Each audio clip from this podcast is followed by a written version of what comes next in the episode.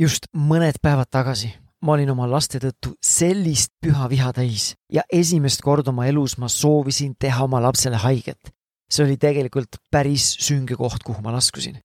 mis täpselt juhtus, kuidas ma selle olukorra lahendasin ja mida ma sellest olukorrast õppisin, sellest kõigest tänases podcastis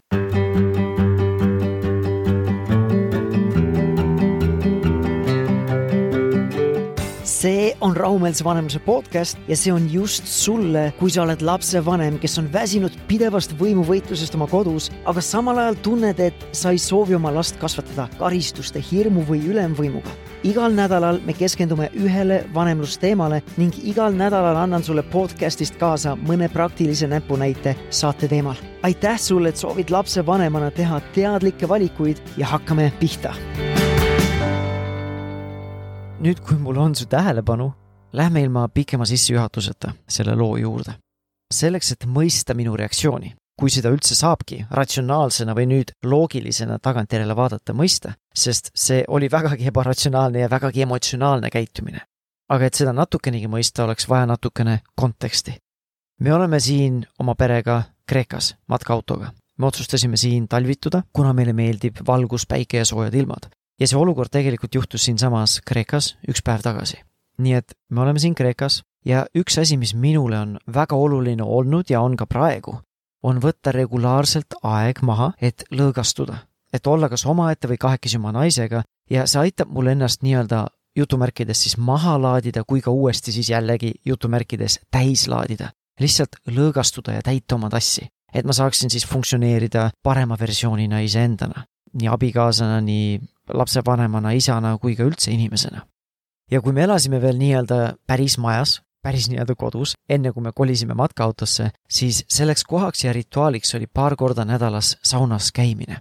enamasti me olime selleks ajaks juba lapsed magama pannud, et me saaksime koos oma naisega mõnusalt koos aega veeta, olla kahekesi, rääkida, kuulata ja jagada, mis tegelikult meie hinges, mõtteis või elus toimub ja lihtsalt olla segamatult ja, ja lõõgastuda ja seda teades me otsustasime enne Eestist väljasõitu soetada endale saunatelgi. lootuses, et me saame sedasama siingi reisil olles või nii-öelda matkaautos elades kas replikeerida või siis nagu esile kutsuda, et me saame samamoodi lõõgastuda ja olla kahekesi. ja see tegelikult oli super otsus, sest me oleme seda saunatelki siin Kreekas olles korduvalt kasutanud. kui ma nüüd kordasid loen, siis ma ütleks isegi sagedamini kui kord nädalas oleme käinud saunas just samadel põhjustel ja eesmärgil, nagu Eestiski seda tegime, et lõõgastuda ja ennast laadida.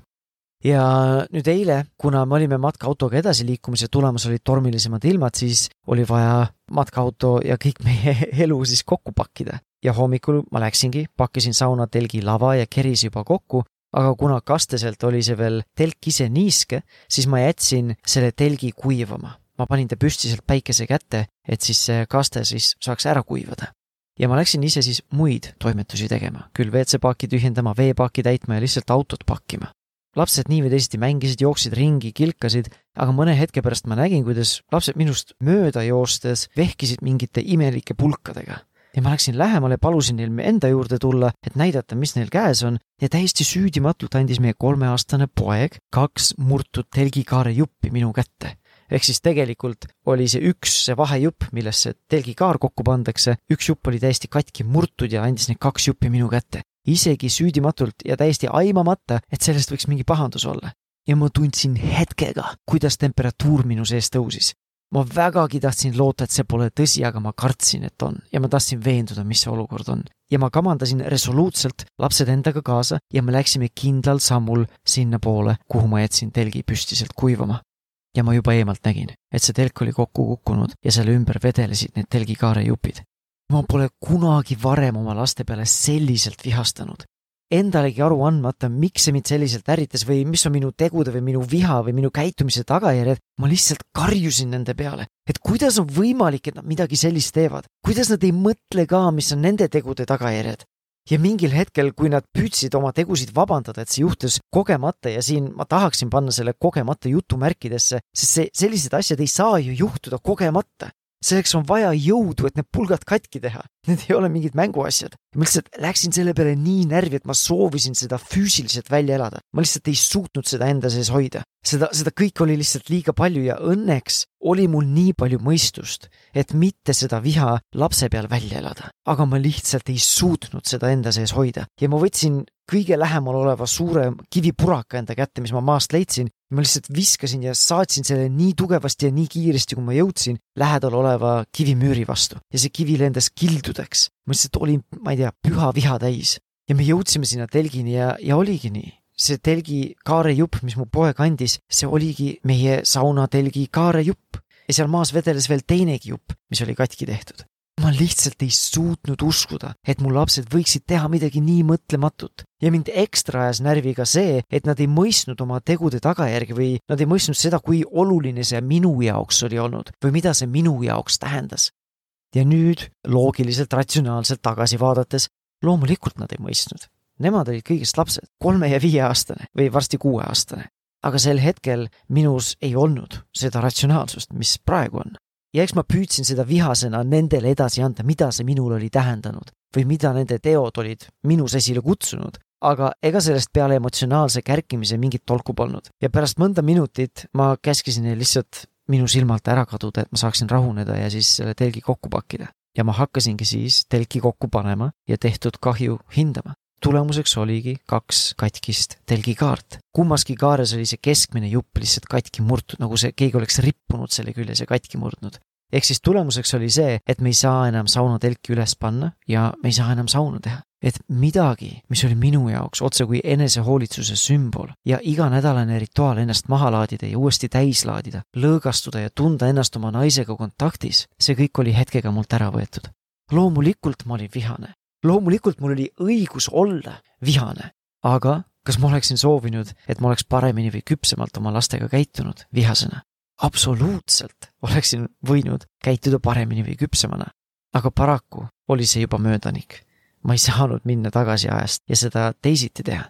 seda telki pakkides, nokitsedes ja tegutsedes ma rahunesin maha ja hakkasin olukorrale lahendusi leidma ja järgmisel päeval, mis on täna, kui ma seda salvestan, ma saingi juba telgi tootjaga kontakti ja ma leidsin viisi, kuidas need katkised jupid siia Kreekasse toimetada, et ma saaksin selle telgi korda teha. tegelikult on ju kõik tehtav ja lahendatav, see ei olnud mingi pöördumatu kahju, mida mu lapsed tegid, aga see esmane reaktsioon, see oli lihtsalt nii võimas ja ma lihtsalt olin kontrolli alt väljas kui tagasi minna sellesse olukorda, siis kui telk oli pakitud, ma läksin tagasi auto juurde, viskasin selle telgikoti sinna, võtsin oma koera kaisu ja mu naine tuli ka minu juurde, endal silmad punased peas, minu naisel siis. ja ma peegeldasin seda olukorda oma naisega, et lihtsalt täiskasvanutena arutada sel teemal, aga et endaski selgust saada. ja mina olin juba rahunenud, aga mu naine poetas paar pisarat. nii sellepärast, et ka tema hindas saunas käimist ja koos olemist ja leinas seda kaotust, et nüüd on meilt see ära võetud kui ka sellepärast, et me tegelikult mõlemad teame, mis oleks meie kummagi lapsepõlves juhtunud, kui meie lapsepõlves oleks selline olukord juhtunud. olgugi, et ma olin enesekontrolli kaotanud ja ma kärkisin ja ma olin vägagi vihane ja ma viskasin vihast selle kivi vastu müüri kildudeks, siis ma ei tõstnud oma kätt oma lapse suunas ja eks me mõlemad olime nii-öelda natukene kohkunud sellest olukorrast. ja nagu ma ütlesin, emotsionaalsust andis juurde ka see, et kui me paneme ennast selle väikese lapse olukorda, siis me teame, et meiega oleks palju hullemini läinud lapsepõlves ja natukese aja pärast, kui nii-öelda see sisemine torm oli möödas, me kutsusime mõlemad lapsed enda juurde, et rääkida see toimunu või juhtunu lahti. ja me kumbki, mina ega mu naine, me ei mäleta, et meiega oleks kunagi midagi sellist tehtud meie lapsepõlves, pärast suurt pahandamist ja karistust või kärkimist, aga me soovisime seda teha oma lastega ja alustuseks ma jagasingi seda, mis minu sees oli toimunud, miks minu jaoks oli see saun oluline olnud. ja ma jagasin ka seda, et olgugi, et ma olin südamepõhjani solvunud, pettunud ja kurb ja eks isegi vihane, polnud minu käitumine väga, väga sobilik ja olgugi, et minu selline, see maneer oli vabandav, siis ma ei olnud sellel hetkel valmis neid sõnu ütlema. eks see trots oli minu sees liiga suur. ja nüüd edasi rutates siis õhtul enne magama minekut, siis mu laps küsis ka, tuletas meelde, ütles, et äh, issi, sa ei ole veel vabandanud selle eest, kuidas sa hommikul käitusid. ja loomulikult selles olukorras ma tundsin ka kohe seda, et keegi vajutab mu nagu nuppudele või päästikule, et nüüd mina pean vabandama. Aga sina, mida sina pead tegema, äkki peaksid sina minu ees vabandama? loomulikult ma kontrollisin selles olukorras seda enda emotsiooni, aga esimene, esimene reaktsioon oli just selline, kui mu laps seda ütles. tahtsin kohe ennast õigustama hakata, ennast kaitsma hakata ja läbi selle tegelikult ründama oma last. ja siis nüüd, kui me läheme hommikusse tagasi, siis rääkis ka meie tütar, mis tema hinges toimus. alates sellest, kuidas tema tundis, kui mina selle kivi vastu müüri katki lajatasin, et kuidas ta mind kartnud oli, kuni selleni, kuidas nad tegelikult ei olnud ju tahtlikult telki katki tahtnud teha. aga mõtlematult oli see ikkagi juhtunud, et see oli õnnetus olnud, mida ma loomulikult mõistsin ma ei arvagi, et mu lapsed on, ma ei tea, nii pahatahtlikult, et nad tahavad meelega mulle sellist valu tekitada. aga et mu tütar ei olnud lihtsalt mõistnud enda tegude tagajärgi ja nad ei olnud arvanud, et telk katki läheb. ja kuidas temagi oli tegelikult kurb, et me enam sauna ei saa teha, sest ka temale meeldib saunas olla emme ja issiga. Ja tegelikult oli näha, et ta tõesti kahetseb enda tegu. ja antud hetkel ka tema ei, ei öelnud nüüd neid sõnu, anna andeks, et ma niimoodi käitusin või palun vabandust oma tegude eest, aga tunda oli, et see energia või emotsioon oli õhus. kas ja kui palju nüüd meie lapsed sellest olukorrast õpivad, eks, eks seda näitab aeg. Nad mõlemad on ju tegelikult veel pisikesed, üks on kolmene, teine saab varsti nüüd kuueseks. ja kui me tegelikult vaatame enda lapsepõlvele tagasi, eks sellised olukorrad ongi osa lapsepõlvest, kui nüüd nii-öelda kainelt ja loogiliselt ja mõistusepäraselt mõelda sellele olukorrale järgi ja nüüd telgist rääkides, umbes nädala pärast hiljemalt on see telk jälle korras ja terve ja me saame taas neid saunamõnusid nautida. eks see läheb natukene maksma rahaliselt, aga see ei maksa nüüd mingit hingehinda, et me peaksime selle pärast nädal aega kuivikuid sööma. ehk siis tegelikult see tehtud kahju ei olnud nüüd hoomamatult suur, aga minu emotsioonid selles olukorras olid. ja miks ma tahan seda lugu sinuga jagada. olgugi, et selle loo esimene osa kindlasti ei näita mind kõige paremas valguses eks igast olukorrast on midagi õppida ja kaks mõttetera, mida ma tahaksin lõpetuseks siin kas esile tõsta või sinuga siis jätta. esiteks, mitte keegi meist pole täiuslik. vahet pole, kuidas meie sotsiaalmeedia kuvand püüab seda kõike või meid esitleda. mina isegi tegelikult teadlikult ei püüa esitleda, et ma olen täiuslik või meil on kõik hästi. aga kui ma nüüd kõrvalt vaatan, siis ilmselt see kuvand võib jääda, et meil ongi kõik alati hästi, et meil ei olegi kunagi mitte midagi halvasti või raske. aga reaalsus on see, et on, me kõik teeme vigu, me kõik paneme vahepeal mööda, reageerime üle ja see on okei okay.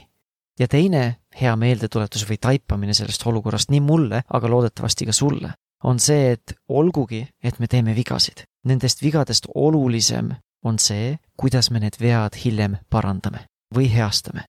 Vead teevad meid inimlikuks ja nendest on õppida nii meil endil kui ka meie lastel ja kui me need vead parandame, siis sellest saab nii sinu kui ka sinu lapse vaheline suhe isegi kasvada ja paraneda ja tugevneda, ehk siis olla tugevamgi kui enne.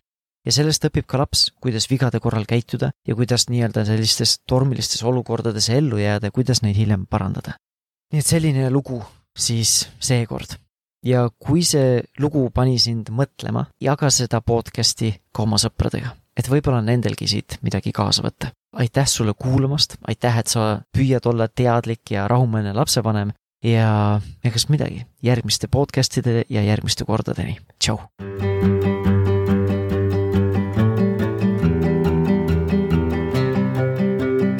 oot-oot-oot, enne kui ma sul minna lasen, ma tahan sind tänada selle eest, et sa oled lapsevanem, kes püüab ja soovib areneda isegi kui su laps seda praegu ei hinda, siis mina väärtustan seda, mida sa teed, nii et aitäh sulle. ja kui tänane podcast läks sulle korda, siis suurim kompliment, mida sa mulle teha saad, on soovitada seda podcasti vähemalt ühele oma tuttavale. tänutäheks ma tahan sinuga jagada ühte oma lemmikraamatu kokkuvõtet nagu sina ja mina teame, pereelu on vahepeal nii kiire, et ei jõua kõiki neid häid raamatuid kaanest kaaneni lugeda ja just sellepärast ma olen kokku pannud ühe enda arust parima vanemlusraamatu Lapse ajukeskne kasvatus lühikokkuvõte ja ma tahan seda sinuga jagada. sa leiad selle lühikokkuvõtte veebist taneljappinen.com kaldkriips kingitus. ja lõpetuseks ma tahan sulle meelde tuletada, et me keegi ei ole täiuslik lapsevanem ja see polegi oluline. täiuslikkus ei tohiks kunagi olla mõõdupuu või isegi eesmärk oluline on, et sa liiguksid samm-sammult paremuse ja rahumeelsuse poole. nii et edu sulle sellel teekonnal ja järgmise korrani, tšau!